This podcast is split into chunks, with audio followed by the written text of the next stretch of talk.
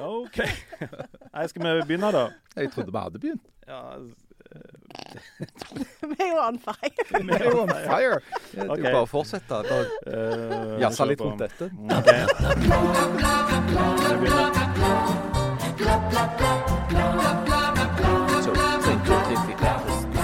Det snør. Å, hold kjeft. OK, da. Nei, eh, utenom snøen så har vi Jakkenytt. Vi har kontakt med vår korrespondent i Madrid. Vi har nytt om regjeringa, og vi har Oscar og Millenniums, kanskje litt om MDG. Og så, altså Det snør, Nei, det snør. nei.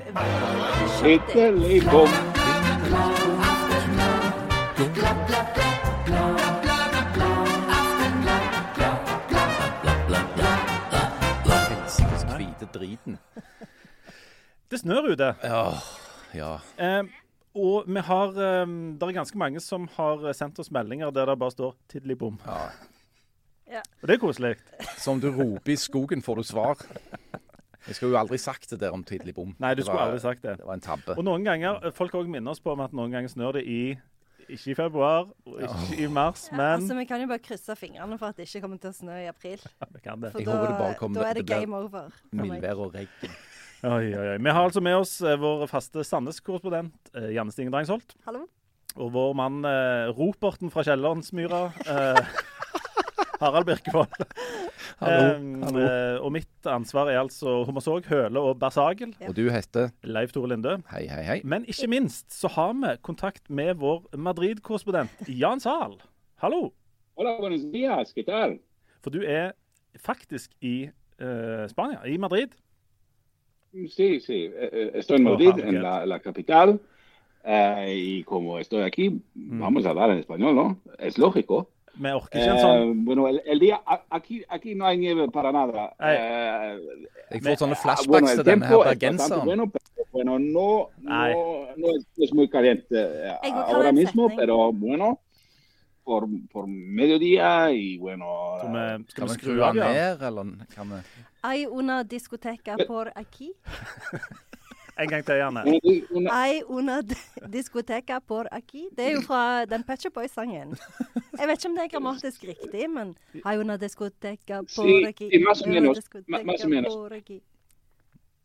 Pero no, co- como en Noruega no sé si hay Ok. discotecas. Vi- Jan, vi må, få deg, vi må få deg over på norsk. es- er un fenómeno Nei! de los años 80 y 90. ¿no? Jeg- Altså, han der, han der. Madrid-korrespondenten er ganske irriterende. Jeg lengter, jeg lengter tilbake til den Bergensepisoden. Du, Jan, uh, hvorfor, er du i, um, hvorfor er du i Spania? Og husk nå at eh, majoriteten av våre lyttere er norske, og ikke spanske. Hva er det du gjør der nede? Jeg skal prøve å oversette til norsk. Ja. Nei, altså, jeg er her fordi at eh, det skjer noe litt sånn eh, På et vis noe storveis i, i billedkunstmiljøet. eh, og da det avdøde billedkunstmiljøet. Men jeg er her rett og slett fordi at Lars Hertervik, som er en av Norges mest kjente kunstnere, egentlig, og som Stavanger kunstmuseum har den største samlinga av eh, suverent Det var ikke så veldig mye han malte, det kan vi komme tilbake til. Han har ikke så veldig stor produksjon. Men de har altså tatt med seg 22 bilder av Lars Hertervik til Madrid, og så skal de stille han ut her i lag med en som heter Peder Balke, som også er en sånn 1800-tallskunstner, og en som heter Lucas, eh, som er en spansk 1800-tallskunstner. Og Greia er at det er første gang at den største kunstneren fra Stavanger, altså Lars Hertervik, blir stilt ut bredt internasjonalt i utlandet. Og Det skjer da altså i Madrid. og dette er jo da en tanke om at han er så bra at han eh, må, der, eh, må spres mer ut i verden. Så Dette er sånn første steg i forsøk på å make Hertervik great i utlandet. Akkurat. Hva sier, hva sier Hertervik sjøl til dette her, da? Er han fornøyd, eller? Hertervig er voldsomt glad. Han står og klemmer et sånt furutre, eh, så han og vil ikke forstyrres. det er litt uklart. Stemmer, Men, stemmer. men ja. Han, han, det, er å han slutta å male, men han henger nå der akkurat som folk gjør rundt omkring. Og Det er jo et interessant spørsmål. Hva for noen kunstnere er det som blir store i utlandet? Hva for, er det, noen er det de husker og ikke? sant? Eh, og, og For Norges del så har jo svaret på alt det vært Edvard Munch. sant? Det er han som er stor i utlandet. Det er han som er den suverent største norske kunstneren. Eh, men han ene som står bak denne han Hertervik-greia i Madrid, han har tidligere klart å løfte Peder Balke. da altså. Mm. Sånn at Peder Balke ble den andre norske kunstneren som ble stilt ut på National Gallery i London. Da kom det 230 000 eh, folk. Jeg vet ikke om det noensinne skjer med, med, med, med Lars Hertervik, men, men, han mener at liksom dette, du må bygge litt sånn stein på stein, og, og at dette er første steg for Lars Hertervik eh, i ute i verden. Men du, men, altså, Lars Hertervig er, sier vi og skriver vi en av liksom, Norges uh, mest kjente kunstnere, og den som på en måte er, er størst fra vårt område. Og Likevel så har jeg en mistanke om at uh, ja, en, forholdsvis OK prosentandel av de som hører på oss, er litt sånn Lars Who? Hvem er uh, denne Lars Hertervig? Fordi at vi Altså du, han, er jo, han, er jo, kjent, men det er jo for de som um, kjenner til dette feltet og, og denne personen. Um, men det er ikke alle som vet hvem Lars Hertervig er. Det er ikke alle, alle Nei, som går på kunstmuseer og sånt. Hvem er han? Hva er han? Skal du ha et, et krasjkurs igjen? Ja. Veldig kort. Han er jo ja, han er jo da en sånn livshistorie som det blir historier ut av. Eh, som jo, det gikk stort sett kjempedrøyt. Han ble født i 1830 i Tysvær. Og I niårsalderen så tok de det huset eh, der og flytta det til Stavanger. sånn at der ble han boende etterpå. Han kom fra et kvekermiljø, altså et, et, religiøst miljø. Han, eh, Du skulle ikke trodd at folk fra Tysvær eh, ble nødvendigvis kunstnere, men han ble sett som et stort talent. Ble sendt først til Kristiania, og så til Düsseldorf, der han lærte seg landskapsmaleri av han der Gude, altså han i Tidemann og Gude, han guden der, eh, og var et voldsomt stort talent. Og malte noen flotte bilder. Så var det bare det at han ble fikk psykisk sykdom. Først ble han eh, karakterisert som at han fikk melankolia, som Jon Fosse senere har skrevet et eh, stort verk om. Så han, eh, fikk han at han var uhelbredelig eh, syk. Og, og, allerede når han var 28 år, så var han på en måte avskreven fordi han var syk. Så Da flyttet han tilbake til Stavanger, levde lutfattig på fattigkassen. Hadde ikke penger til verken malerutstyr eller noen ting som helst. Han, han malte på sigarettpapir, limte sammen liksom små papirbiter han fant, og så malte han helt til han døde, men, men uten, liksom, uten, noen penger eller, eller oppmerksomhet. Kjelland, Alexander Kielland likte han godt. Eh, de tidligere verkene. Og så døde han da. Ukjente, fattige. Men de som forstår seg på det, mener at maleriet hans er fantastiske, og at det interessante er at han er langt forut for sin tid. Altså Han maler moderne før det ble moderne å male moderne. Og så maler han natur. Det er det folket sitt. Tre. Og så har han, altså En av de første kritikerne til Lars Hertervig var i familien Birkevold. De er jo sure og sinte på alt og unner ingen suksess. Har en lang, lang kritisk tradisjon i min ja. familie. Ja. Nei, for det at uh, Min familie er jo forbundet med denne kanaljen. da. Uh, fordi at uh, min tippoldemor hun bodde i Gamle Stavanger, i Bergsmauet. Så min oldemor hun vokste opp i et lite hus der med masse folk i, og en alenemor fordi at faren hennes hadde dødd på sjøen, som mange gjorde den gangen. Og Av og til så var det en kar som fikk lov å bo i krålkjelleren der når han var heven ut hjemmefra og det var Lars Hertervik. Eh, og Der malte han og tegnte på veggene med kålbeder som han fant i kålkjelleren. Og han tegnte og malte som du sier, han på forskjellige papirlapper og løst og fast som han fant. og en dag når uh, tippoldemor fikk det over seg at hun skulle ha storrengjøring, så tok hun alt bort i bakgården og brant opp. Så det er jo en av grunnene til at det er litt lite igjen etter han. Det var at min tippoldemor brant opp driten. Så der har du den. Det er kunstkritikk på, på nokså konkret nivå. Ja, og, og, og, malt over veggene i kjelleren òg. Sånn at eh, det, det, jeg likte ikke de der tegningene. Så. Nei, for det var ikke noe å ta vare på for ettertiden. ettertida. Det høres jo litt ut som hun hadde han fanga i den kjelleren, og så Nei, hadde storrengjøring for å skjule altså, sporene sine. Og Oldemor sa alltid at han, hun, hun syntes synd på han, fordi at han var sånn stakkarslig. Han, han, han, tjente en ekstraslant på å gå rundt og, og levere ved og kål eh, til folk i gamle Stavanger. Han bodde jo rett i nærheten sjøl. Eh, men så røyk han uklar. da, med, Han bodde visst først hos, sammen med faren sin og senere med en onkel i perioder. Og, og røyk uklar der og fikk ikke komme hjem. og Det var mye forskjellig. Han, han hadde et vanskelig liv, stakkars. De fortalte òg at ungene uh, pleide å liksom, erte han eller mobbe han. Uh, springe etter han på gata og si at han hadde rotter i lommene. Og, ja. de, de, var ikke greie med han. Det husker jeg at uh, farfar fortalte at, uh, at mora hadde fortalt til han. da. Det er jo, også friskt å bare ha en sånn en fyr gående nede i, ned i kålkjelleren. ja, ja, altså, men den gangen så var det jo ingen som visste at han kom til å bli en altså For de så var han jo bare en, en stakkar som det var synd på. Det var ja. ingen som ja, Han drev og tegnet og malte litt, men det var jo bare noe klatt. Jan, han her godeste Hertervigen, han, hvor mye av denne suksessen som han på en måte nå har, fikk han oppleve sjøl mens han levde, som jo ikke var sånn kjempelenge? Ja, ingenting. Han, han ble jo avskrevet da når han ble psykisk syk. Og det der som han malte etterpå, det malte han egentlig for seg sjøl. Altså, det, det var ikke, han bare holdt på slutta ikke.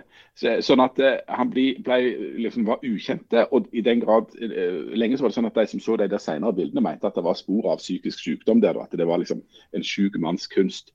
Uh, men han har da blitt oppgradert og, og oppvurdert i senere tid. Og så er det jo, Jeg vet ikke hvor stor suksess det er. Dette er et sånn første steg. Det er liksom ikke, det er et veldig prestisjetungt galleri, det museum vi er på nå. men det er et ganske lite rom, og det er i lag med to andre. sånn at uh, Det interessante nå skal jo bli å se om de klarer, klarer, det som er målet, nemlig å få større interesse både blant publikum og kritikere og fagfolk, sånn at en begynner å snakke mer om Hertervik i det internasjonale kunstmiljøet. Men det vet vi jo ikke. Er det, er det nå sånn at uh, spanjolene står i sånne kilometerlange køer for å komme inn og se El Hertervigos, som han jo heter på spansk? Ja, de står for, de står for Salamanca-bydelen til ja. Barajas. Ja.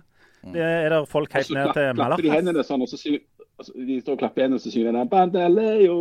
Ja. Det var den beste sangen han skrev. Ja, ja, ja. Du, um, En annen viktig ting um, med dette er jo om du har fått smakt den spanske nasjonalretten tacos. Der nede. Du, er det sånne små retter og liksom sånn mm. Mm. Sånne, Pleier de ikke å legge skinkene over vinen for at det ikke skulle komme fluer igjen, eller hvordan var det? Ja, Det som nordmenn jo ikke vet, for, vet for at de har lært om dette tapas, det er jo at det store måltidet det, det, det, det egentlig bruker ut. Ja, det, det du egentlig bør ut etter i Spania, men som nordmenn ikke vet fordi de tror at middag er klokka fire, det er eh, det som kalles for menú del dia, som spanjolene er det sånn en gang mellom to, eller sånn i to-tre-tida. Altså Midt på dagen så går de ut og så har de seg en, en treretter som koster nesten ingenting. Det du kan få skikkelig sånn god husmannskost i Spania for nesten ingen penger, som er greit godt. Så det var jeg, òg. De går ut på ettermiddagen der. Og etter det så var det ikke nødvendig eller rom for noe mer tapas. Det var omtrent som å gå rundt på matuka og spise åtte-ni mater. Ja, det skulle ikke kimse av. De har det òg med spanjolene. De, de, har jo spist denne treretteren selvfølgelig midt på dagen og, og har hatt litt sånn smått, uh, småsnacks utover ettermiddagen. Men så når klokka drar seg i hop mot sånn 11-12 om kvelden, da går de ut og så spiser ja. de gjerne en syv-åtte retter. Uh, ja, de er, de er, de er et voldsomt magemål. Ja, og det er seint. Det er seint, og så er det ingen som har på frokost da. Nei, nei, du kan jo skjønne det. det. Og så den andre viktige tingen som alle lurer på, er det snø der nede? For her er det nemlig snø. Det snør, det snør. Titteli bom. Titteli bom. Jeg sa jo det jeg, i innledninga, at her er det ikke, eh, ikke snø, det er sol. Men det er ikke veldig varmt, så det er sånn 8-9 grader akkurat nå. Akkurat. Det er iallfall ikke snø.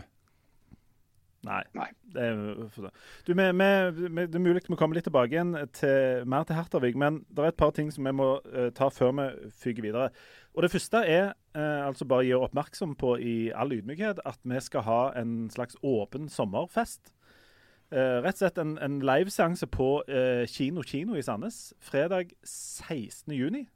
Um, vi håper alle vil være med på det. Der, eh, og der må du være litt raske til, til pumpene. Fordi ja, for de går ut, de tablettene? Ja, de forsvinner aldeles som dugg for solen. Som Lars Hertavik så fint uh, skrev i diktet. Han skrev det. Um, så malte han vel mye dugg for solen? Han malte veldig mye dugg. Og noen ganger så var det jo ikke sol. Det var så mye dugg. Du kunne ikke, se, kunne ikke se solen for bare dugg? Ja. Derfor kalte de han jo for Duggmannen. Som riktig. på spansk er Jan, hva er Duggmannen på spansk? El hombre de los dogos. El hombre de los dogos. Det er jo ut navnet. El, el, el hombre de la El hombre de la humedad. humedad. oi, det hørtes veldig jeg, jeg, jeg, kan, Kanskje spansk, men det hørtes litt frekt ut. Kanskje ja. vi må sensurere det. Ja. Men altså, sommeravslutning Nå havner vi langt ute på viddene. Så, sommeravslutning eh, for alle som har lyst til å være med. 16.6 på Kino Kino. Det er en eh, fredag. Det er en fredag. Ta det som et vorspiel.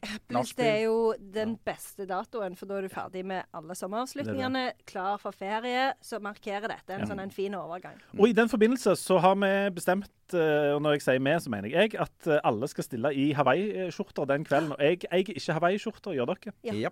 Gjør dere det? Jan, har du hawaiiskjorte?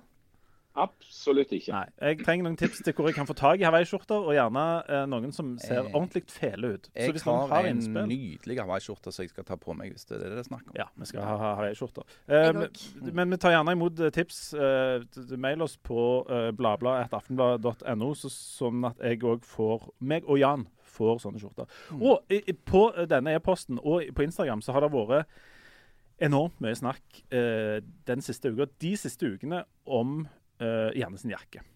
Mm. Og vi kan ikke gå videre før vi liksom får, uh, får dette uh, Altså får en oppdatering på dette jakkekomplekset. Og for de som ikke har fulgt med, de er veldig få, Janne, hva er det som uh, tar det fra, starten veldig fort? For det første så kan jo ikke jeg gå en eneste meter for tida uten at folk sånn Ja, hø-hø-hø. Så går det med den stjålne jakken. Ja, ja. Og til de så sier jeg fuck you, for jeg betalte for den jakken. Ja, Det sier de alltid. Ta, men ta det nå fra begynnelsen. Du jeg var, var i, Paris, Paris med jobben. Fant verdens fineste dressjakke. Passet perfekt. Var på salg. Fremdeles ganske dyr. Og allikevel ville du ikke betale for den. Fikk han betalte for den, fikk han pakka fint inn i sånn silkepapir. Så ble han hengende i skapet fordi at det ble jo vinter og kaldt, og det er egentlig en vårjakke. En vårjakke, ja. ja. Og så var det jo antydning til vår for ja. noen uker siden. Men det ble slutt på. Det ble det brått slutt på. Men den ene fliken med vår som mm. dukket opp, da tenkte jeg nå skal jeg ta på meg den nye fine jakken. Hva ser jeg alarmene på? Alarmen de har på. Den alarmen som, gjør, som, de setter på sånn at folk ikke skal stjele ja, plagg. Den alarmen. Den hang på, på din jakke. og, la oss, og, la oss, begynne allerede der. Jeg liker ikke den antydningen eller det der med smilet i ansiktet ditt, så du bør tørke det vekk. Okay. Så fort som mulig. Okay, sorry, sorry, sorry. Og ingen sånne stjålne smil innimellom. Hør. Um, vi har fått en e-post fra Kjerstin som lurer Kan jeg sende deg et stjålet blikk? Nei, ingen... Hey, du vet jeg moser trynet ditt. Hør nå. Jeg vet det faktisk. Ja. Vi har fått en e-post fra Kjerstin som spør om en helt sånn åpenbare ting. Hun skriver Jeg fatter og begriper ikke hvordan Janne kom ut av butikken i Paris hvis du har betalt når alarmen henger på. Det er jo ikke alltid de der alarmene går. sant? Det har jeg opplevd mange ganger. OK. Det, ja. Fortell mer. Eh, det var, en, annen, det var en annen gang òg. Hvor var det? Det var i Ila? Var Ila? Åna? Jeg tror du bør plead the fifth, sånn at du ikke inkriminerer deg mer her nå. Det, har skjedd flere ganger, kom jeg på nå. Alarmen går, hør alarmen går. Fordi det var en annen gang når vi var på ferie, da, men da var vi i den byen ennå. Så da kunne jeg bare gå tilbake og vise kvitteringen, og så tok de den av for meg. Og du stjeler kun i utlandet, eller i Norge òg? Nei, men det er andre også som har spurt om du har brukt det eldgamle aluminiumsfolietrikset. Hva er det? Å oh, ja. Det kan du ikke plutselig nå. Nei, det og nå, nå, Vi skal ikke gi folk ideer, da, men det er noen som har en teori om at du kan ta aluminiumsfolie på begge sider og sånne alarmer, og så kan det bare gå ut. for da, oh, ja. da, ja, for det, det, da virker ikke liksom signalet. Men, men, det, men det, det som var greia her altså, ja. Om det er det samme trikset som når du lager en aluminiumsfoliehatt, og så kanskje er romvesenene leser tankene dine. Stemmer det. Akkurat det samme greia. Det er bra triks. Men altså, saken her var jo at du kom hjem med denne jakken som du hadde fått tak i på et eller annet vis i, i eh, Paris. Som jeg hadde kjøpt. Ja, og så hang det på en sånn alarmbrikke, ja. eh, mm. som, som, skal gjøre at folk ikke stjeler, da. Ja. ja. Eh, hva gjorde du da? Nei, jeg vurderte jo å ta kontakt med en fin kone til eh, Leif Tore. For de hadde jo på, eh, sagt at hun kunne hjelpe med å klippe av en bit, og så sy på en annen stoffbit. Og da kom jeg på Vil jeg at kona mi skal starte på den kriminelle løperen? Nei, det vil jeg ikke. så det var uaktuelt. Ja, uaktuelt. Eh, men så eh, Og så hang han jo bare der, da. Altså, for jeg orka liksom ikke For jeg hadde jo allerede vært på Høyer og fått ja. liksom blikk fra mm. de. Mm. Kan dere hjelpe meg med å bli kvitt den narkotikaen? Nei, jeg mener denne jakken. ja, OK. De ville ikke kunne hjelpe deg. Nei, og så, eh, så, så men så fikk jeg jo eh, en film fra en lytter hvor det var noe sånn eh, tips om hvordan du kunne få vekk alarm hvis du ikke gadd å gå tilbake til butikken. Hvis du av ulike grunner ikke ønsker å gå tilbake til butikken. Mm. Da, men de var jo fordi de var jo sånn flatealarmer. Min var jo litt annerledes i formen. Men det ene tipset da, det var å brenne. Men jeg er litt redd for ild. Pluss jeg hadde ikke lighter, så da måtte jeg sitte der med sånn 1000 fyrstikker. Og så svir han av, liksom. Ja. Så det, det, valgte jeg å ikke gjøre. Eh, men så var det et annet tips som gikk ut på at du skulle skjære av den ene delen med en kniv. Og det tenkte jeg, det klarer jeg å få til. Og så var det et barn som var veldig entusiastisk og hadde lyst til å hjelpe. Mm. Så dette, vi satte oss ned, og så begynte vi dette. Men så gikk det, tok jo tusen år å drive og sage med den der kniven. sant? Og så plagg merket at det lå en drill. Det lå en drill? OK. Ved siden av. jeg må bare spørre. Er ungene dine er er eller noen av ungene er fremdeles med her. Altså, det er en slags Dette går i arv. Det yngste barnet, og hun syns at det med den drillen at det var en kjempeplan. Ja, ja, ja. Hør her, barn. Det er noe vi må fortelle om familien vår. Hvordan vi skaffer pengene våre. Uansett. ja. Så jeg satte den og tenkte sånn Nå tar jeg den drillen og så kjører jeg den ned der som jeg tror den er her. Mm, pinnen. Ja. Pinnene, ja. Og så uh, problem solved. Um, men så den, for driller har det jo med å gli litt når, de, liksom, når du bruker de på plastikk, viser det seg. Mm. Um, så det som skjedde da, var jo først at jeg holdt på å drepe meg sjøl og meg og han. Mm. og så etter det så um, uh, kom jo selvfølgelig drillen i jakken. Så du, stedet, du borte ja, jakken? Ja, jeg i jakken. Okay. Eh, og da når jeg løfter opp jakken for å se på dette hullet som jeg hadde lagd med drillen, da, så lå alarmen der ved siden av. Så da hadde den på mirakuløst vis datt av i denne prosessen. Jeg vet fremdeles ikke hvordan det hadde skjedd. Så du, du fikk av alarmen med å bore et hull i jakken? Ja, ja men jeg, jeg borte jo litt i den Men det var ganske lite hull, så du kan bruke ja, jakken? Kan, og det er inni lommen. Oh, ja, ja, ja. Så det at jeg er I'm not worried. Nei, så det var jo mission uh, delvis accomplished, vil jeg si. Det må jeg si.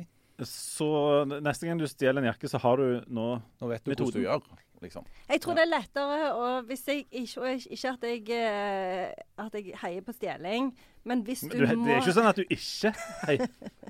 Okay, ja. Vi hadde jo eh, TV, radio-TV-butikk, eh, og det var veldig, veldig dårlig stemning eh, hele tida der, fordi vi hadde en sånn boks med opptakskassetter, og den var alltid tom uten at vi solgte så mange opptakskassetter. Så det, jeg har et veldig negativt forhold til stjeling. Fant foreldrene dine på noen tidspunkt ut at du stjal opptakskassetter? Gjorde ikke det sant? Du vet at jeg kan bare gå. Keep it in the family. Keep it in the family. Du, med, eh, Men, eh, jakken er nå operativ, ja. sant? Mm, og jeg har tenkt å begynne å gå med den så fort denne snøen forsvinner. Mm. Og det blir litt mer vårlig. Vi sitter jo på et veldig fint bilde av deg i den jakken. Ja. ja det er allerede publisert. Det er publisert. Jeg har sett, eh, sett at folk eh, snakker stygt om hendene mine på det. Hvorfor? For jeg gjorde liksom sånn for å ja. vise. Og så var det mange, noen som hadde skrevet at jeg hadde Krøplinger? ja. Hva er det for noe? Nei, det var ikke fint. Det er veldig stygt. Det har jeg ikke. Det skal de, det skal de søren meg på trekke ja. tilbake. Men vi, vi, takker veldig for det store engasjementet uh, rundt, uh, rundt, denne jakken. Mm. Og så skal vi takke for en annen ting òg. Um, for et par uker siden så snakket vi Eller egentlig du, Janne. Det er jo du som er vår krimekspert på personlig nivå. Om dette med å skjule lik. Ja, ja, ja. ja.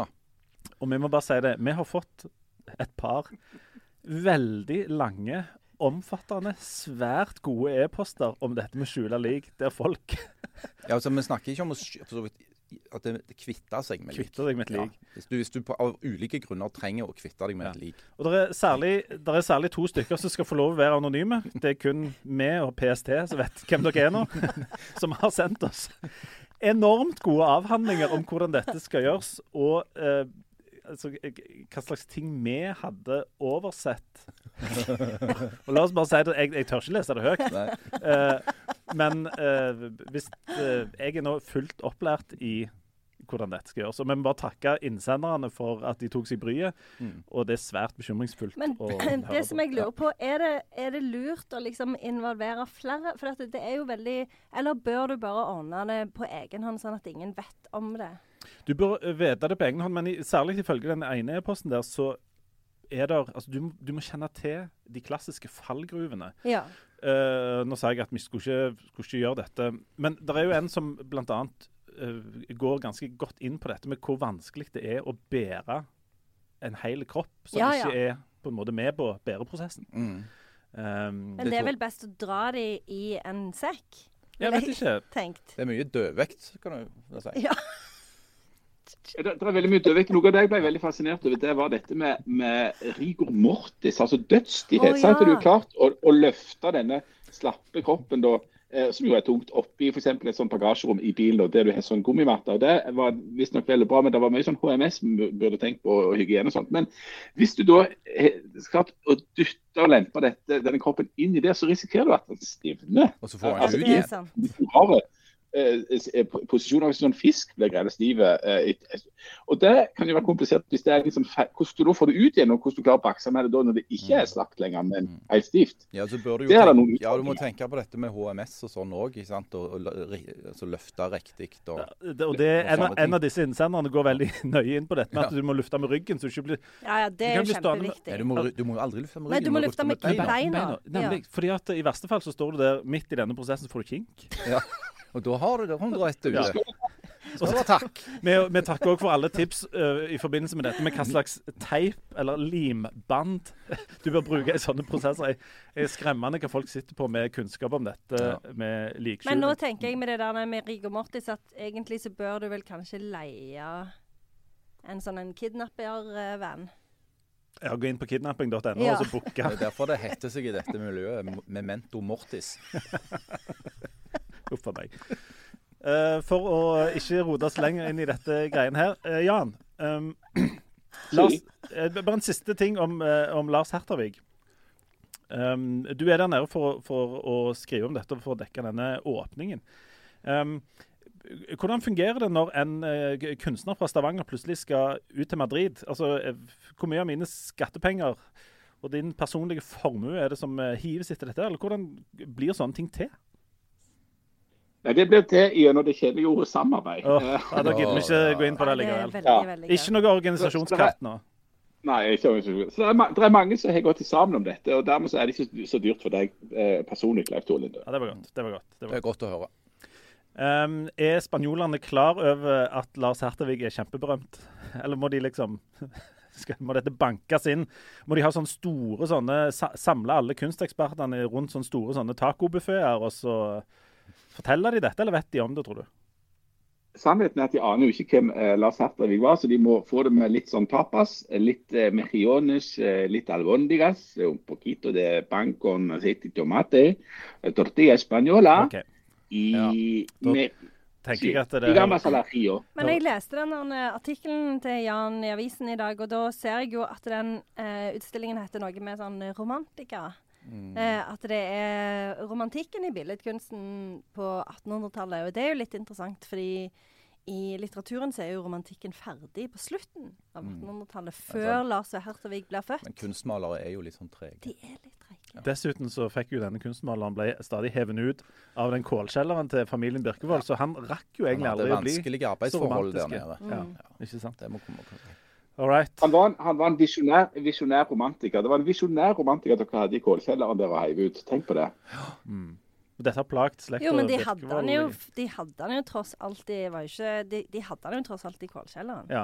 De kunne jo sagt Det er ikke noe som plager familien, det er noe vi skryter av ja. og, og trekker fram. det er jo et eksempel på nestekjærlighet av beste sort. Har dere hatt andre folk i kålkjelleren når dere så opp gjennom som dere trekker fram når uh, Arne Rettedal, bodde han i kålkjelleren deres? kortere eller lengre perioder. Nei, han, han var ikke, det var ikke i kålkjelleren, han, han var i vas vaskekjelleren. Ja. Folke Hermansen. det er ingen sånne storheter som har Nei, nei, det, det, vi holder oss til, til kunstmalere og, og, sånt. Ja. ja vel. Vi må ta en, eh, en, en eh, liten, um, liten, pause, og så kommer vi snart tilbake igjen med mer om både ymse og diverse. Um, det har ikke begynt å snø nede i Spania, sant? ja? Oh. No, todavía hace sol calor. Buen tiempo. Litt over tid. OK, ta en liten pause. Eh, snart tilbake.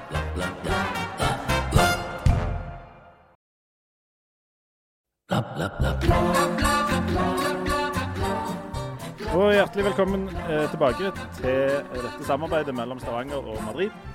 Uh, vi, har, uh, vi må hive oss litt inn i uh, politikkens vidunderlige verden. Fordi ai, ai, ai. på lørdag, Harald, så var ja. du på fylkesårsmøte i Rogaland Arbeiderparti. Det var jeg. I Sandnes. I Sandnes. I Sandnes, Eller eventuelt på Sandnes. Det er jo en lang Det var på Sandnes, i Sandnes. Ja.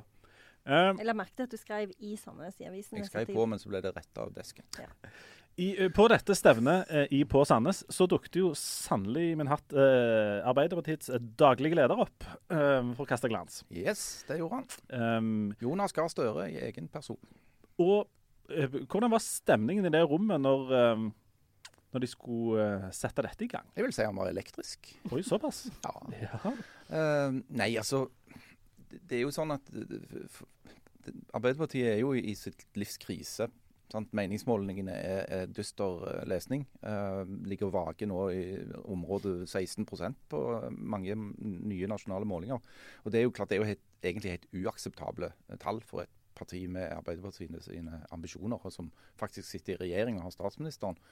Så, så ja, det er en krise i partiet. Samtidig så var det jo mange som benytta sin taletid på, på, det møtet til å liksom, støtte Støre og partiledelsen og si stå på og jobbe videre. Eh, og det er jo både alminnelig høflighet, tenker jeg, i et parti. Eh, og, og, så er det òg kanskje litt sånn av hensyn til at det er jo folk som lytter her. Altså sånne som meg. Mm. Eh, det er presse til stede. Alltid en eller annen kødd som noterer bakerst i lokalet? Alltid en eller annen kødd som sitter og noterer. Sånn at jeg tror nok en del av de tingene som skjer på kammerset, er annerledes enn det du får inntrykk av i et sånt åpent møte som, som dette. fordi at det, eh, det, det, er åpenbart at eh, på bakrommet, der som folk snakker sammen uten at noen noterer, så er jo diskusjonen i full gang i Ap om, om personer. Altså har vi den rette partiledelsen, hva bør vi gjøre, hvem skal ut? og så, så, så foregår det da det du kan kalle en maktkamp. Altså den, den, er jo allerede i gang ved at f.eks. Hadia Tajik fra Rogaland har jo meldt at hun ønsker å tilbake, komme tilbake som, som nestleder i partiet. Eh, de fleste fylkeslager later til å støtte Tonje Brenna, som i dag er kunnskapsminister, eh, eh, i den samme rollen. Eh, det er folk som har hevda at Kjersti Stenseng bør få avløsning som partisekretær, eh, noe hun ikke vil ha. Hun vil fortsette. Eh, og det er folk som snakker selvfølgelig om Støre sjøl. Uh, men de gjør det ikke i åpent lende. Altså De som har stått fram og, uh, og, og, sagt rett ut at Jonas, du bør trekke deg, er jo folk som er ute av politikken. på en måte. Gamle partiveteraner som Torbjørn Berntsen og uh, Bjørn Tore Godal. De har sagt sånne ting. Men det er veldig vanskelig for folk som er aktive i partiet nå og ønsker å være det framover, å gå ut på den måten. De sitter, jeg tror folk sitter litt og venter på hverandre. Og når det er, når det er um, Hvordan er det dette med, med antall bakere og antall smeder? Hvis du mangler den ene, så kan du ta den andre. Og På dette møtet så ble det jo, reiste jo bl.a. Eh, Dag Mossige i Stavanger Arbeiderparti seg opp. Uh, høy og ikke veldig mørk, men litt lyse. Høy og lys. Og, og foreslo at Arbeiderpartiet skulle kvitte seg med Vi kvitter oss ikke med noen av oss sjøl, men Trygve Slagsvold Vedum, han hiver vi ut. Ja, altså, og, og, Hva skulle være poenget med at Arbeiderpartiet skal kvitte seg med Senterpartiet? Hvem er det som er klump rundt foten til hvem her? Nei, og det, og det var jo det Jonas Gahr Støre svarte òg. Han sa at snakker du om, sa han. Du har jo med deg eh, Senterpartiet i Stavanger. Hva er det, dette her? Men, men Mossige gir her uttrykk for noe som ganske mange snakker om i og rundt partiet. Det er liksom var det lurt av oss å gå i regjering bare med Senterpartiet? Burde vi ikke sørget for å få med SV òg, sånn som de hadde forrige gang de satt i regjering? Og at det ville kanskje gjort at slitasjen ble mindre. Eh, fordi at Det som var et av Morsige sine poenger her, var at disse dyre reformene som de skal snu tilbake igjen, altså oppløse kommuner som er tvangssammenslått, oppløse fylker, koster fryktelig mye penger. Og folk blir sinte på regjeringen for de mener at det er feil bruk av ressurser i en situasjon hvor vi har strømpriskrise og prisstigning generelt? Ja, altså, jeg, jeg eh, sitter på Madrid, eh, ja. Men jeg syns faktisk det var ganske friskt av han der Mossingen å, å, gå opp og si dette her. For dette, da sa han noe rett ut eh, som de da sannsynligvis snakker om på noen sånne bakom. Og det ligger greit å få det ut i, i åpent lende. Og, og, det ble jo interessant nok en nasjonal sak av at eh, lederne i Stavanger da går opp og sier dette rett til Jonas Gahr Støre. Det er helt flott. Ja, og jeg tror han er rett Mm. Altså, han, han er jo rett i at han altså i at dette er et himla problem. Jeg tror han er helt rett i at folk ikke kan begripe hvorfor han skal bruke hundrevis av eh, millioner kroner på, på helt meningsløse reversering av noe som allerede er gjennomført. Og, og, og, at det er helt åpenbart at det regjeringssamarbeidet der er en klamp om foten for Arbeiderpartiet. Problemet er jo hvem skal de da styre med, eller hvordan skal de da styre? Hvordan skal de ellers få dette til? Eh, altså, Gahr Støre vil jo egentlig ha med eh, SV i dette, her, som da etter hvert takket nei, men allikevel eh, som er det, den foretrukne partneren for å få ting igjennom eh, politisk og budsjettmessig. Så de har jo store makt. Og Dermed så sitter jo Gahr Støre i en komplisert situasjon uansett, der han må gi store konsesjoner både til Senterpartiet og til SV for at de da skal få gjennomført og vedtatt noen ting som helst. Og Hvis du da holder det, dette opp mot det som var den lenge var den tradisjonelle situasjonen for uh, Arbeiderpartiet, som de brukte mange år på å komme til en slags sånn selverkjennelse på. Det, det er så, sånn som det egentlig var ifra når, når Arbeiderpartiet fikk makt, var jo at Arbeiderpartiet hadde all makt. De var, de var vant med å styre alene. Mm. Så det at de måtte gå i koalisjon med andre partier, det er en relativt moderne tanke i Arbeiderpartiet. Og Den eh, tanken satt langt inne, og den blir ikke lettere å gjennomføre når de er så små og må samarbeide med så mange. Mm. Men nå er det jo da eh, landsmøter i både Senterpartiet og SV eh, den helga som kommer nå. Eh, Senterpartiet sitt møte begynner fredag morgen. Eh, og det er klart at Denne diskusjonen kommer jo til å gå der òg. Eh, og når det gjelder dette med meningsløsheten i disse eh, omgjøringene, eh, så er jo det avhengig av hvem som ser. Altså, Det er jo ikke tvil om at det er et flertall for å løse opp tvangssammenslåtte kommuner i de små kommunene som ble tvangsinnlemma i andre. Så det er liksom litt det perspektivet Senterpartiet tar. De tar jo perspektivet til de som har blitt utsatt for noe mot sin vilje. Eh, men, men, Jan har rett i at jeg tror ikke dette er en vinnersak i den befolkningen i stort. Men er det, er det litt sånn uh, baker for smed-aktige tendenser her når i, i, et parti som altså Arbeiderpartiet har Hvis du er nede på 16-15 14 mm. på en del målinger. og sånt. Det er jo uh, ledere i Arbeiderpartiet som har gått av på la oss kalle det noe høyere tall. 36,9 f.eks. Mm. Um, risikerer de nå å drive og fekte seg ut uten egentlig at noen adresserer det egentlige problemet? Ja, altså, det, det, jeg tror nesten ikke det er mulig å overdrive hvor alvorlig denne situasjonen er for Arbeiderpartiet. Fordi at det der er eh, historiske erfaringer fra andre land, og land som ikke er spesielt langt unna heller, på at uh, store sosialdemokratiske partier som har nærmest vært statsbærende etter andre verdenskrig, har nesten blitt utradert. Eh, og det vil jo være en, en, fryktelig situasjon for Arbeiderpartiet isolert, men jeg tror det òg hadde vært uheldig for norsk politikk sånn mer bredt.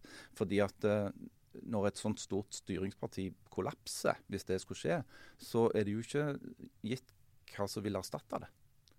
Eh, vil du få en mer polarisering, mer eh, eh fragmenterte politiske situasjon, eh, så er det ikke sikkert at det er en bra ting.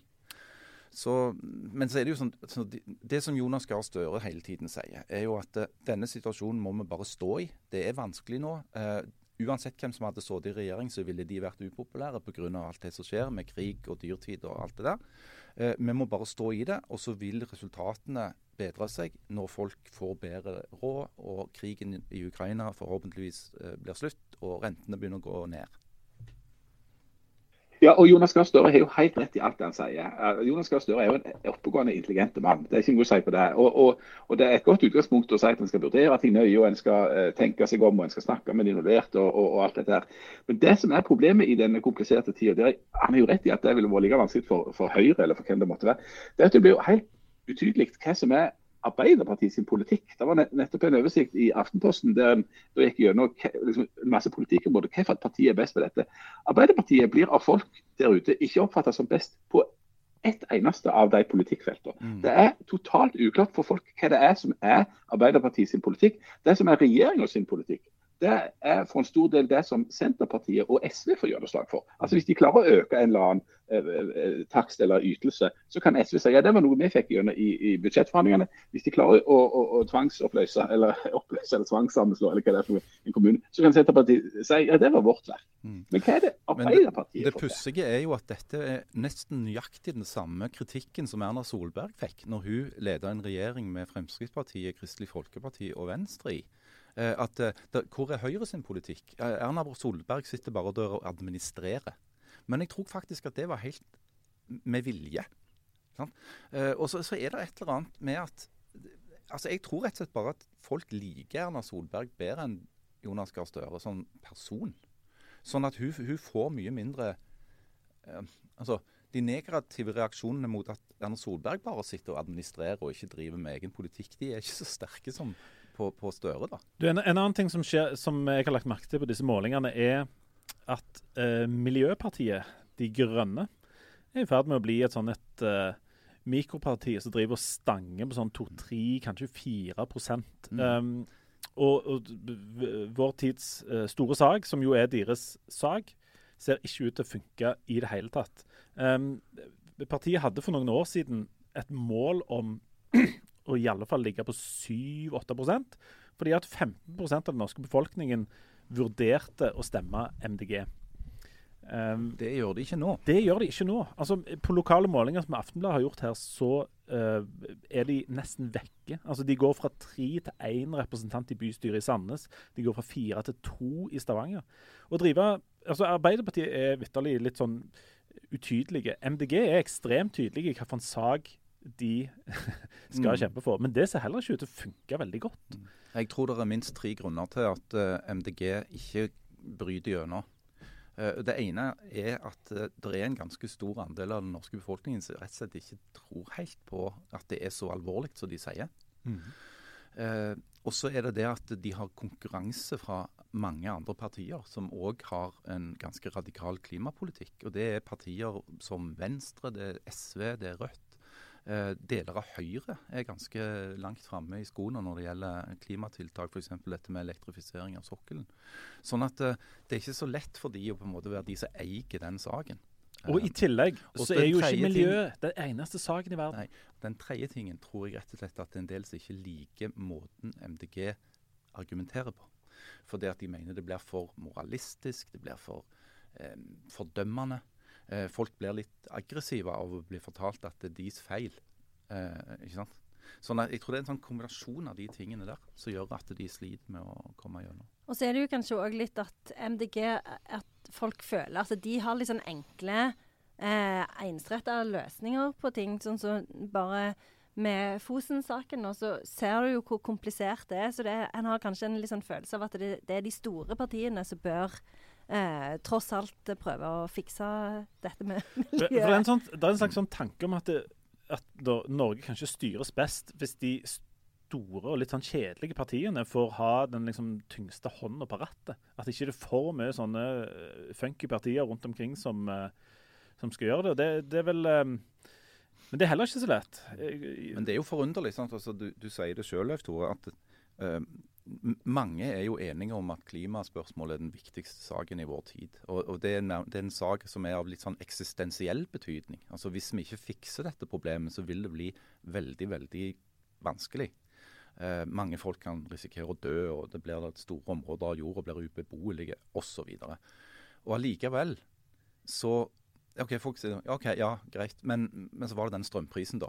ikke sant? Og, og bompenger og, og SFO. sant? Altså Folk er og Jeg tror det har litt med altså, hvordan vi er skrudd sammen mentalt òg. For det at jeg tror ikke vi er mentalt utstyrt for å legge planer for 100-200 år framover. Vi har sånn? mer enn nok med å tenke på sydenturen uh, i, uh, i, sommer. Eller som du, Jan, uh, Madrid-turen denne uka. Du, mm. det I et miljøperspektiv, hvordan er ditt CO2-avtrykk der nede med du og han der Herternes? Vik? Jeg tror det går voldsomt i pluss. Det går helt garantert voldsomt eh, rett opp til værs. Eh, og nå er jo kronekursen til bånns, og det er litt ekstra dyrt. og ja, det, Men det, det er bare å glede seg til sommeren. Hvem er, det, hvem er det som styrer i Spania nå? Er det Arbeiderpartiet eller Rødt, eller hvem? Nei, Det er vel det Sosialdemokratene. Eh, altså, du snakker om de store styringspartiene. Grunnen til at de store partier, styringspartier er store, er jo fordi at de ligger i et slags sentrum, en slags midt. Og i de fleste befolkninger så er det sånn at de aller fleste folk er omtrent en plass i midten. Eh, så Sånn sett er det en god idé at det finnes noen store styringspartier i et slags, eh, en slags midt. At det ikke alltid er så lett å se forskjell på Høyre og Arbeiderpartiet. Og at vi ikke blir styrt av klin kokosfolk helt ut i ekstremene, jf. f.eks. Amerika under Trump. eller at du får, ja. Altså, jeg, jeg, jeg, eh, jeg håper ikke vi kommer dit, og det, vi gjør nok heller ikke det, at det er enten Frp eller Rødt som skal ha statsminister og, og sitte alene med makta. I Amerika skjer det jo mye, veldig mye løye. Men det skjer noen kule ting òg, bl.a. Oscar. Ja. Og eh, Janne, du har jo eh, sittet oppe Du har jo snudd om døgnet den siste uka for å følge Oscarsendingen live, som jo er midt på natta. Jeg vet ikke om det går an å se Oscarsendingen live. På den champagnefarga løperen. Ja, den var jo veldig trist. Ja, veldig trist. Ja, var det trist løper? Ja, veldig. Han var ikke rød. Nei, han var jo sånn så Harald har det litt sånn champagne off-white-aktig. Nei, Det er vel en annen designer som har hatt sånn der mm, møte i det der ja-rommet. Ingen har lov å si nei, vet du. Og så skal du kaste ideer på hverandre. Men det ble jo delt ut noen diplomer og, og eh, litt forskjellig. Og du, er jo, eh, du har en slags interesse for dette med Oscar. Er det noe folk bør Jeg liker alt som er gøy, som jeg pleier å si. Oi! Det er brannfakkel. Si noe, der. Ja, si noe provoserende. Nei, eh, det er jo den tre Altså, eh, det er ikke den minst sette eh, Oscar-utdelingen, men det er den tre minst sette. Oi. Så den minst sette er jo den i 2021. Det sier jo seg sjøl hvorfor. Eh, og så 2022, og ganske dårlig. Eh, men eh, i år så var det 18,7 millioner som så han. Eh, og det året hvor det var flest som så han, det var i 1998, når Titanic vant masse Hvor mange så Eh, han da? 57 millioner. Oi. Oi, Så det har jo gått ganske mye ned. Ja, Folk ser jo ikke så mye på TV lenger. Nei, Også, eller det er jo det som er det, at folk er ikke så interessert i film, kanskje. For du så jo òg eh, etterpå, eh, så var det jo de som En av de som de var mest interessert i, var jo Pedro Pascal, og han er jo definitivt mest kjent for TV. Mm. Ja, det er han i Last of Us. Det er han i Last of Us. Game of Jeg så siste episoden av Last of Us i går. Det var traumatisk. Den må vi, vi må komme tilbake til den, Ja. fordi at uh, uh, han er loco nede i Spania. Han har ikke sett den. Men, uh, Men det hva er det å fortelle av interessante ting for Oscar? At det, det er grunnen til at, for, at de tror at det var flere folk som så det i år enn i fjor, det er én at Jimmy Kimmel var programleder, det er det mange som liker. To, det var en populær film som mange har sett, som vant mange Oscars. 'Everything Everywhere All At Once'. Uh, og så tre, er at um, uh, Hva var den tredje? ja, det har jeg glemt. Ja. Men, eh, eh, men, i hvert fall så, så er det jo eh, det er jo, For det er jo det der med at folk ikke ser så mye film lenger. Og da er ikke folk så enormt interessert i, i Oscar-utdelingen. Er det serieformatet som har tatt knekken på Ja, film? det er det. Eh, så, så, eh, men så er det jo denne her Det er jo litt interessant med denne her filmen som vant så mange priser. Eh, fordi at den eh, Det er jo en film som, som både er en sjanger som gjerne ikke vinner så ofte. Eh, Det er en slags sånn actionkomedie eller noe? Action, eh, eh, eh, fantasy, science fiction, dramakomedie. Ja, Den, Hørtes, Den er stress, veldig fin. ut. Eh, det, har dere sett den? Nei, jeg har ikke Nei, den er veldig fin. Den handler jo eh, eh, om eh, en middelaldrende kvinne som tenker at kanskje livet kunne vært annerledes. Eh, eh, beskriver mor-datter-forhold på en veldig fin måte. Men er egentlig en sånn Dante-aktig fortelling hvor ei kvinne midt i livet merker at du er midt i skogen, og så eh, hva, hva skal jeg gjøre videre? Hvor går veien videre? Burde jeg gjort ting annerledes? Har jeg fremdeles muligheter til å bli den jeg vil bli? Og så er det mange forskjellige univers. Annet et univers som gjør meg veldig sliten. Eh, hvor folk har pølser istedenfor fingre. Og det syns jeg Sånn som er meg. Så, nei, sånn Jeg har ordentlige pølser som du kan øh, spise så liksom Nei, det er så ekkelt at jeg får oppkast i munnen bare av å tenke på det. Så du Men bør ikke se denne filmen? Nei, men men den altså. er veldig bra. Men den filmen som jeg syns er aller best eh, av de som jeg har sett, eh, det er jo den eh, The Elephant Whispers. Jeg har ikke sett den. Den vant for beste korte dokumentarfilm. Jo, det, det, det Ja. er ekteparet som har tatt av seg av en elefant, ja. Ja, eller det, det handler jo om, om, om folk som passer på elefanter Ja. i et sånt reservat. Ikke bare et ektepar, men òg single. Altså, det, han, også, ja. det handler om all slags forskjellige eh, elefantvoktere. Mm. Og den er så fin, og den går det an å se på Netflix. Single Så- elefantvoktere. Ja, eller det er ikke bare et ektepar, da, men det er mange forskjellige ja det folk var det som glimtet passer jeg på så, så var det liksom et ektepar. Så, Ja. ja, ja, ja, ja. Ja, men den er, den er, Er det- Er det òg folk som, er det også folk som eh, det er litt uklart om de har kjæreste eller ikke, eller det er liksom litt sånn av-på-forhold? Ja, det er, det, som det er kjent som en på swingers club med elefanter i.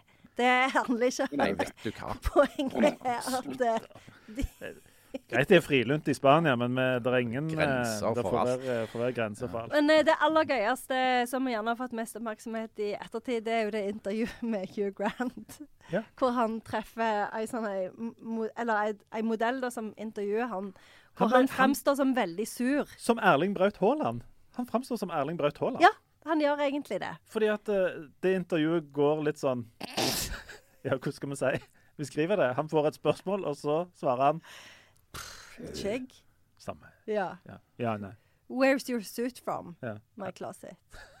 I don't know. han vil liksom ikke være med. Og så når, når hun, hun sier sånn Hvordan vil du beskrive dette? Så sier han uh, 'Vanity Fair', som jo er en referanse til en sånn høy grad av dekadense, og, og, en litterær referanse, men hun tror jo at det handler om bladet, bladet Vanity mm. Fair. Så det er veldig dårlig kommunikasjon. Og det minner veldig om det klippet hvor Robert Smith blir intervjua av ei veldig entusiastisk amerikansk reporter når de skal bli inkludert i Rock'n'Roll Hall of Fame, og hun sier sånn Are you as excited as I am? Og han er sånn uh, Clearly not. Clearly not, ja. altså, her snakker vi da vokalisten i det litt sånn dystre bandet The Cure. Ja. Mm. Clearly var, not. Og, de, og, det var jo ikke et band som bygde karrieren sin på entusiasme. Det var ikke, det var ikke gladtryner vi snakker om. Eller de er jo fortsatt, de finnes jo fortsatt. Men kan jeg, kan jeg si én ting til? Og det er jo han eh, Kehui eh, Eller hva han heter Kehui Kwan. Han som vant eh, eh, Oscar for beste mannlige birolle. Han, det er jo han som spilte Data i The Goonies og Shortcut i Indiana Jones 2.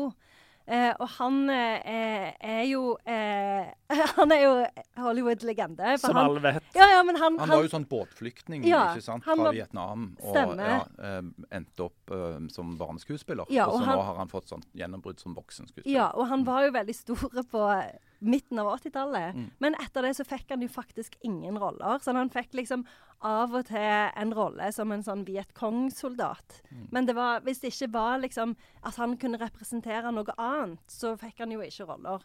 Så han la fra seg eh, skuespillerdrømmen og slutta å jobbe som skuespiller. Men så i 2018, når Crazy Rich Asians eh, fikk eh, eh, stor popularitet, så tenkte han OK, kanskje dette er tida for meg. Kanskje jeg skal gå tilbake til skuespilleryrket igjen. Og det har han jo gjort nå. Og det er jo noe som er interessant med eh, eh, Crazy Rich Asians, at den har liksom bana veien for at asiatiske skuespillere kan spille vanlige folk òg, og ikke bare Vietcong-soldater. Vietcong-soldater, dårlige sjåfører eller mattegeni. Ja. Og dette er jo noe som eh, Oscar, har gjort at Oscar har vært så lite populært, fordi folk ser ikke på det som relevant lenger. Og denne perioden med Oscars So White, eller mm. hva det var det het, altså, de har fått enormt mye kritikk for, å være, for at det er sånn strukturell rasisme i dette, og at det bare er hvite gamlinger som får disse prisene. Er det over?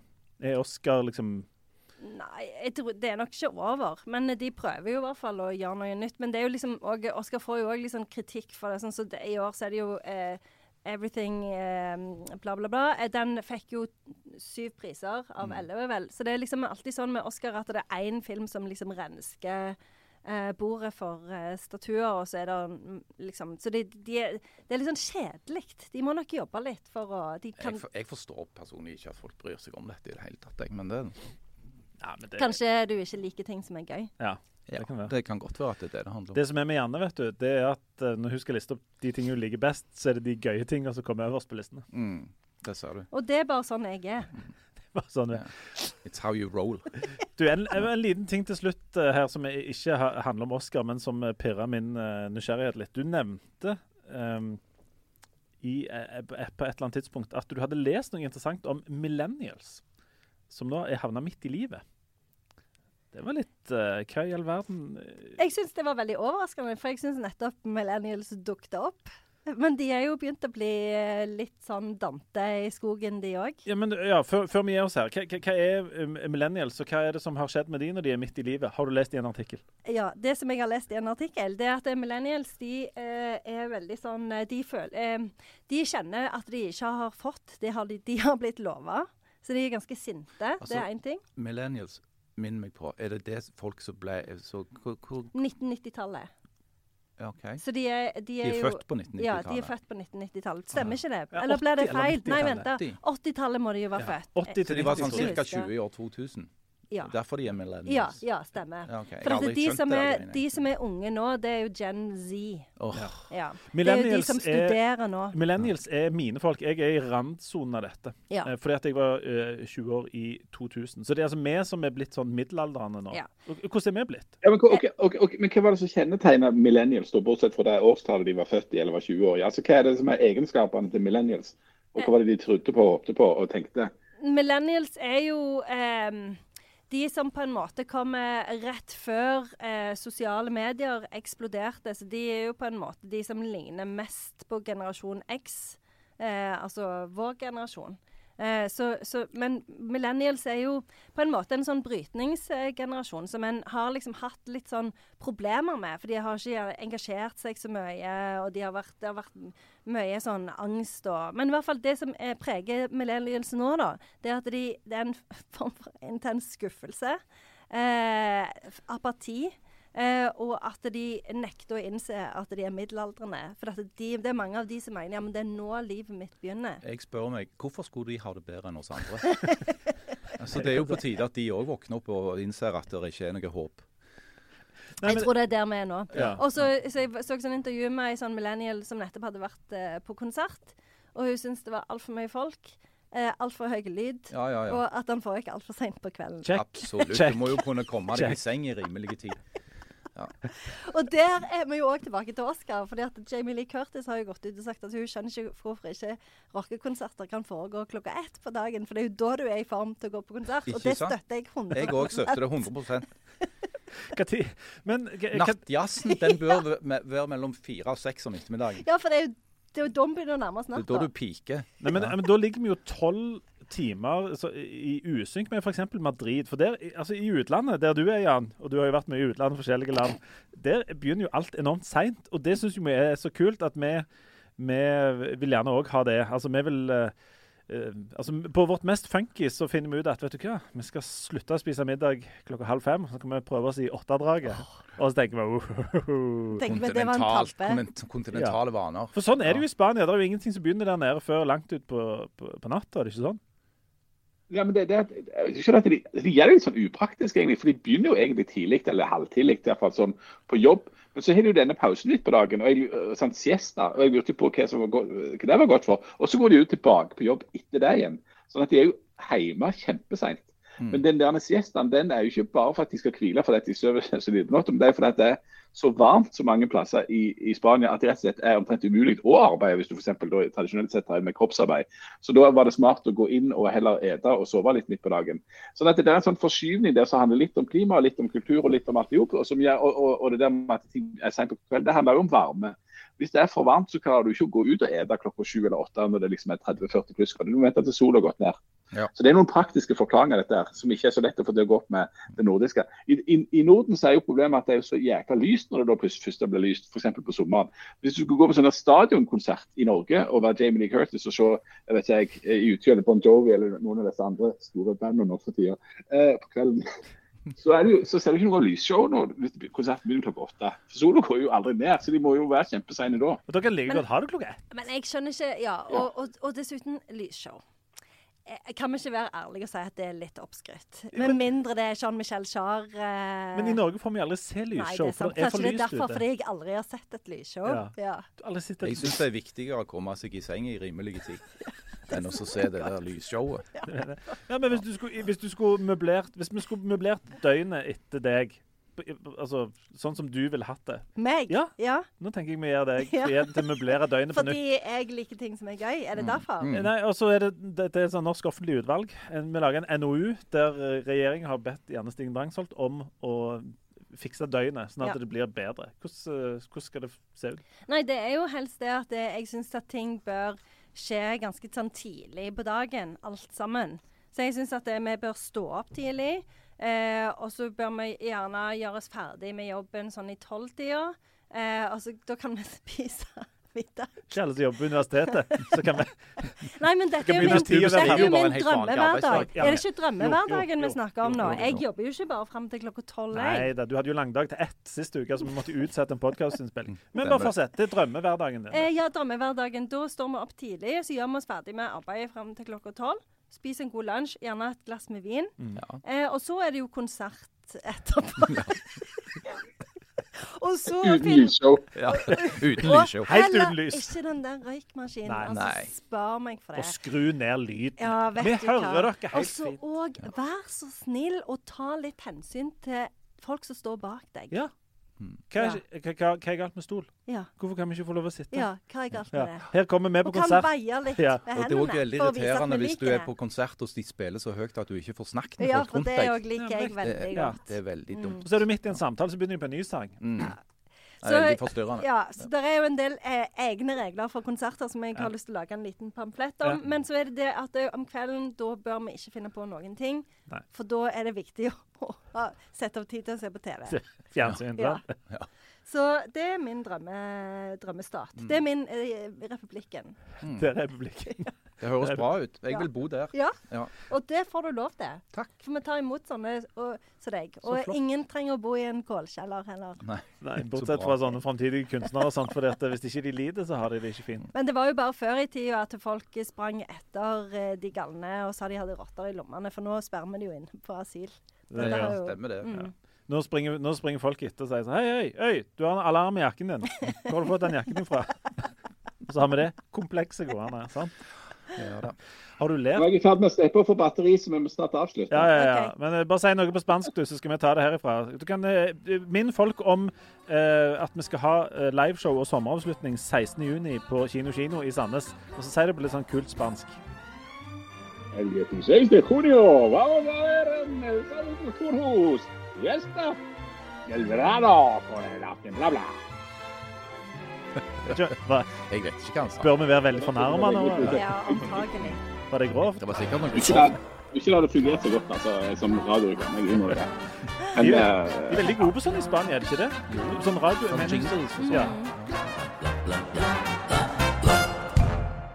Hola, buenos dias. Har du spist noe eh, gambas?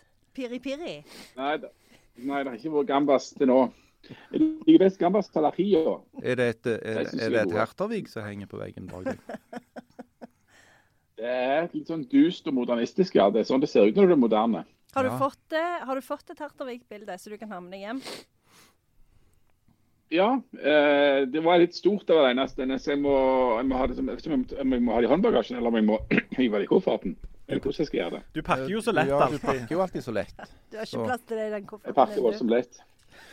Men Dette er eh, noe tre, noe sånt forskjellig. det er noe sånn furutrær og noe knauser og noe greier. Det er noe, jeg tror det er furutre, ja. Ja. Han hadde Og noe med det. Han. Han prøvde seg på de. Ja.